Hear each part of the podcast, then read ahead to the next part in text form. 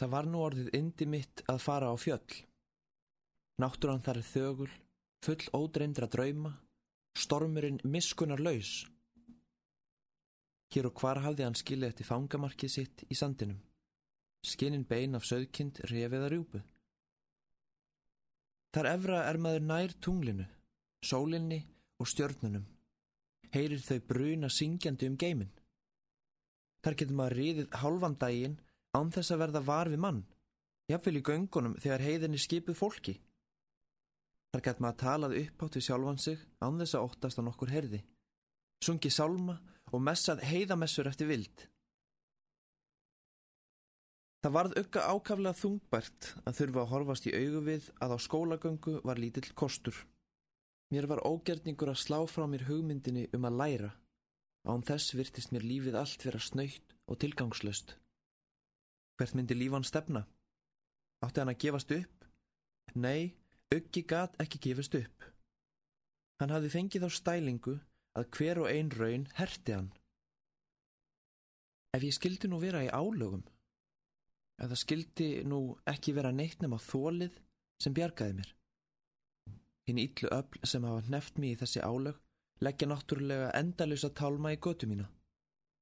Augu mín eru einnig haldinn, þannig að ég fæ ekkert séð kringum mig nema brjálsemi og endileysu. Þessi öll hafa ráð mitt í hendi sér. Með því þau breyta sérkveri leið minn í ógöngur, senda þá sem mér eru kerstir ímist í dauðan ellegar annars faðm. Líkja mig í ólinnandi nótt þar sem sérkvert ljós druknar, sérkver von sloknar. Ég fylg draum vonirnar. Það er ekki nema ein leið til undankomu, aðeins ein, svo að það verða þessum myrkra jötnum yfirsterkari, sjálfum sér yfirsterkari. Mikið velti uggi því fyrir sér með hvaða ráðum hann geti aflað sér lærdóms. Loks tókst honum að dveljast um vetratíma hjá sóknarprestinum sér að Eiríki T. Eriksen innum rauðharða og hanakemda og fá hjá honum nokkra tilsögn, engum í dönsku. Átti það að verða undirbúningur undir aðra nám og þá sér í lagi gagnfræðaskólan á Akureyri, en af því námi var aldrei. Af því kom þó um síðir að uggi hleyfti heimdraganum. Átjánar á gömlum tókst honum að komast til Danmörkur á Líðháskólan í Kólundi. Áður en við fylgjum ugga út fyrir landsteinana er nöðsynlegt að rekja nokkuð eitt þátt í þróskasögu hans sem órjúvanlega er tengdur skáldferðli hans. Eins og oss rekur minni til var uggi allatíð ósveikin karlmaður. Seks ára gamal var hann trúlafaður Siggu Siggu og með henni ætlaði hann að reysa bú við smjörvatnið og eiga góða daga. Það var endurgóldin ást. En þegar uggi yfirgaf breyðdalinn og fluttist að grímstöðum fjall hann fyrir töfrum hinnar bláiðu hildiríðar og sveik Siggu Siggu í treyðum. En það hafði líka verið hæpin ráðahagur því að óðséð var hvort nokkurn rjóma var að fleita af smjörvatni. Vafamálir þó hvort hildiríði var nokkuð tíman kunnugt um ástar bríma ugga því að hann næðist við að skrifa ástarjáttningu sína með eigin blóði á miða og grafa í örð. En áðurinn varði leið svo mikla ásteitni undir lok. Hildiríður varða að vika fyrir systur sinni, önnu, þessari rognu önnu, sem leitaði ekki vendar heldur veitti hana, hrein og bein, þver og óttalus, köll til orðs og æðis, en heita hendinni og sterk í henni, með leinda glóð bak við ísin í augunum. Og ást ugga á önnu var laung og óhamingisöm, hinn lengsta og óhamingisamasta sem ég hef lifað. Og því maður bæta við að það varð annars konar ást en hennar fyrrnæmdu, því að hún breytist úr bernsku ást í ljúfsora ungningsást og endaði með bónorði og ryggbroti. Hér hefur verið fjölirt um þau miklu áhrif sem látmóður ugga hafði á neyð hans til skálskapar. Þar tilfinningar sem bundnar höfðu verið móðurinni leituðu útrásar í ljóði, draumi og sögu. En aldrei er hægt að hefja slíkar kendir með öllu upp í veldi andleira yðkana. Hjá ugga var það og svo að auk skáldgeðjunar þráði hann jarðineska konu til að skipa heið auðasæti móðurinnar. Þetta sæti fekk hann önnu en hún vildi ekki þykja. Það var því laung og óhamingisum ást. Endaliktir urði þær að Uggi skrifaði önnu bónorðsbref en fekk hryggbrott. Og hvað tekur hryggbrottin byðil til bræðs? Hann skýr kvæði. Ímis einfeldningslegustu og fallegustu kvæði heimsins hafa orðið þannig til. Ekki mun hafa skort á einfeldni í mínum. En sérlega falleg voru þau ekki. Þau hafðu bragfætur áþekka fótum höfundarins í dansi. Ætli skáldgiðjan hafi ekki talið ugga nógu þroskaðan til að njóta tveggja. Hann varð að láta sér næja ljóðið og nú gerðist hann svo dvjarfur að senda kvæði sín um önnu til brentunar. Innan skams barst honum lítil bók, vorljóð. Hann var orðin bókarhaufundur. Það átti hann því að þakka að Anna hafði íft upp illagróin sár. Ekki leið á laungu áður en næsta ljóða hver hans kom út. Það flutti einnig saknaðarljóð um aðra konu, móður hans, eða voru konurna kannski einn og hinn sama. Enn á ný varð auki ástfangin. Í þetta sinn átti hinn þibna og háls stutta sína hlutað máli. Vafasamtir þó hvort svo ástmátti ekki einna helst telist sárabætur, tilraun til að mikið hefði serðastolt eftir önnu missin. Þó að hann sína tæki í fyrstu líktundur bónorð auka Fór svo að hún játaði honum ást sína og til sannindamerkis og treyða gaf hún honum skirtu sem hún sjálf hafði saumað. Skömmu setna fór sína með fóröldrum sínum til vesturheims. Ugga hétt hún eilífrið treyð og lofaði að sjálfsögðu að skrifa honum. En það kom aldrei brið frá henni. Uggi beigð og fannst kostu sinn gerður háðuglegri með hverjum degi, svo líkt varð við unnað. Það mætti segja að Skáldgiðjan var í eigingjörn. Ugga voru greinleg sköpuð meinleg örlög. Nú fóru að vakna hjá Ugga hvaðir til sjálfstjáningar og dáða.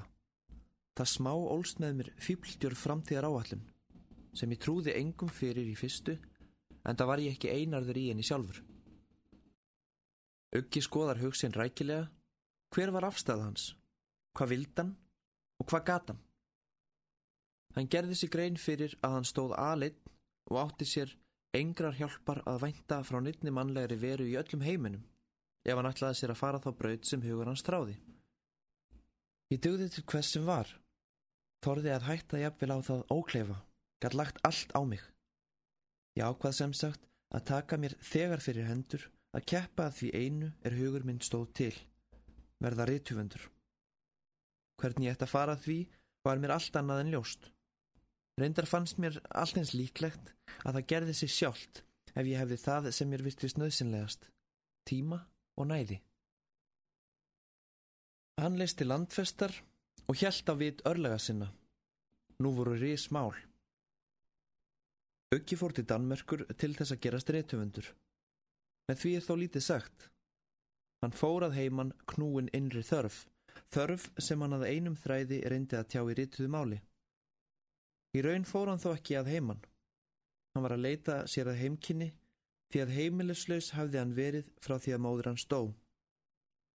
Ekkert getur betur einkjent hugar ástand ugga á þessu skeiði en einn óseðjandi þörf hans fyrir heimkynni. Mögnið af andlegri viðletni hans beindist af því að skilja mannlega tilveru, þessa tilveru sem var svo torráðinn, draumkend og órunveruleg eftir að þunga með því hennar kvarvonum. Þannig heim sem svo erfitt var að finna sér staðfestu í fyrir hann skildi hann að fullu. Bak við þessa miklu vitrannu skilningstörf bjóð svo hinn sára þrá eftir móðurlegri, kvenlegri ástúð og hlýju. Þetta tventar hann saman í eina órjúvandi heild. Saga Ugga sem á þessum árum mun verða all trúverðu æfisaga eftir því sem að mér hefur skilist best er einn þrótlus tilraun til þess að finna þetta tvöfalda heimkynni sem þó er endar eitt. Uggi skýrgreinir þetta sjálfur þannig. Sannleikurinn, tilgangur veraldarinnar, aðaladrið, það sem allt veldur á og síðan hamingjan, sól og frjósemi. Eftir lánt og heldur þreytandi ferðalag með krabbamennsjúklingin Jón Kvöl að förunaut kemur Uggi til Danmerkur. Hinn hýrlega og milda sjálandströnd vekur strax hjá hann tilfinningar sem greinilega er í ætt við þann hugarheim hans sem við þekkjum orðið. Það hræðist eitthvað í hjarta mínu, sem hafði aldrei vitjað mín fyrr. Er hægt að verða ástfangin af landi? Það eittir víst að maður getur fundið eins margvíslega til gagvart landslægi og konum. Allt frá sonarkend til gyrndar, sætleik sem minnist við sjálfan dauðan, óslökkvandi þorsta. Fyrsta kvöldið á kólundi kynnist auki stúlku sem tekur hugans allan, Önnumaríu. Og það lýsir sálarástandi auka vel að Anna-María byrtist honum sem ímynd móður hans. Rendar gildi það sama um allar konur sem fá rúm í sál auka. Þær eru allar, allar eru þær ímynd móður hans. Allar verða þær fyrir sjónum hans og lesandans ákafla líkar. Anna-María var kaupakona á tótthúsum búgarði Svein Spalla, skólastjór á Kólundarskóla. Hún var Jósk sveitastúlka. Í mislitum stúlknahópnum stakkið fölskvalauðsa augnar á þennar í stúf, ósnortinn og óvakinn, en þó heilbreyð og náttúruleg, ljómaði þessi unga stoltarkona öðrum ofar.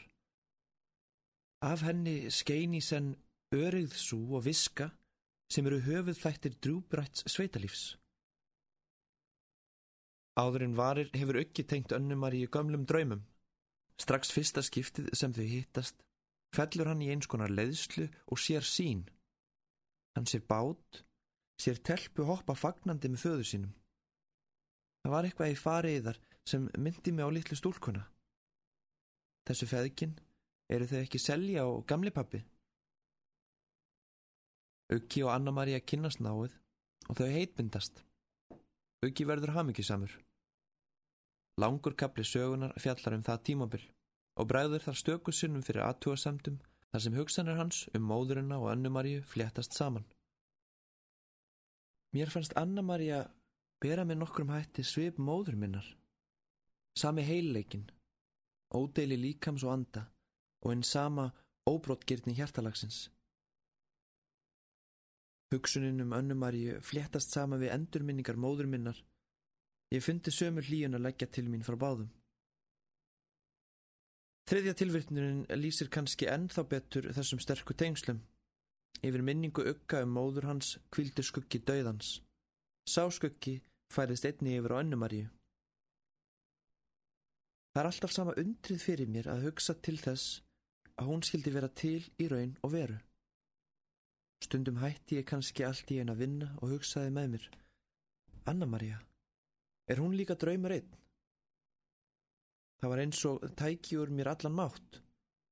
Önnu skipti varð mér hugsað sem svo að veri gætið á hún dægi.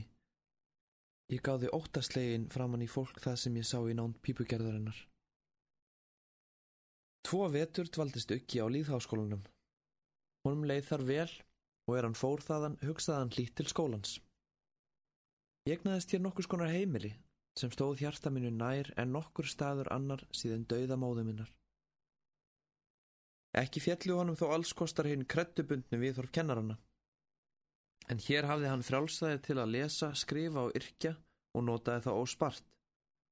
Hann fór sínar eigin götur, let ekki annað hafa áhrif á sig en það sem honum gott þótti. Hugmyndir hans um ætlunarverk mannsins og nöðsinn hans á frelsi frá vanabundnum hugsunum festu æg betur rætur. Og ekki stuðlaði sambandi við önnumari minnsta að veljaðan hans.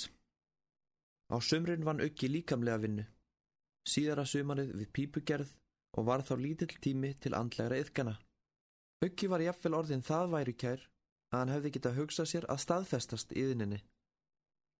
Sennilega hefði ég orðið hér að engu, hægt og sígandi. Horfið inn í yðnina svipað þakkellu vel strókinni með rauðu. Hæði örlegin ekki munað eftir mér og farið að leika smá viðs listir með mig á ný.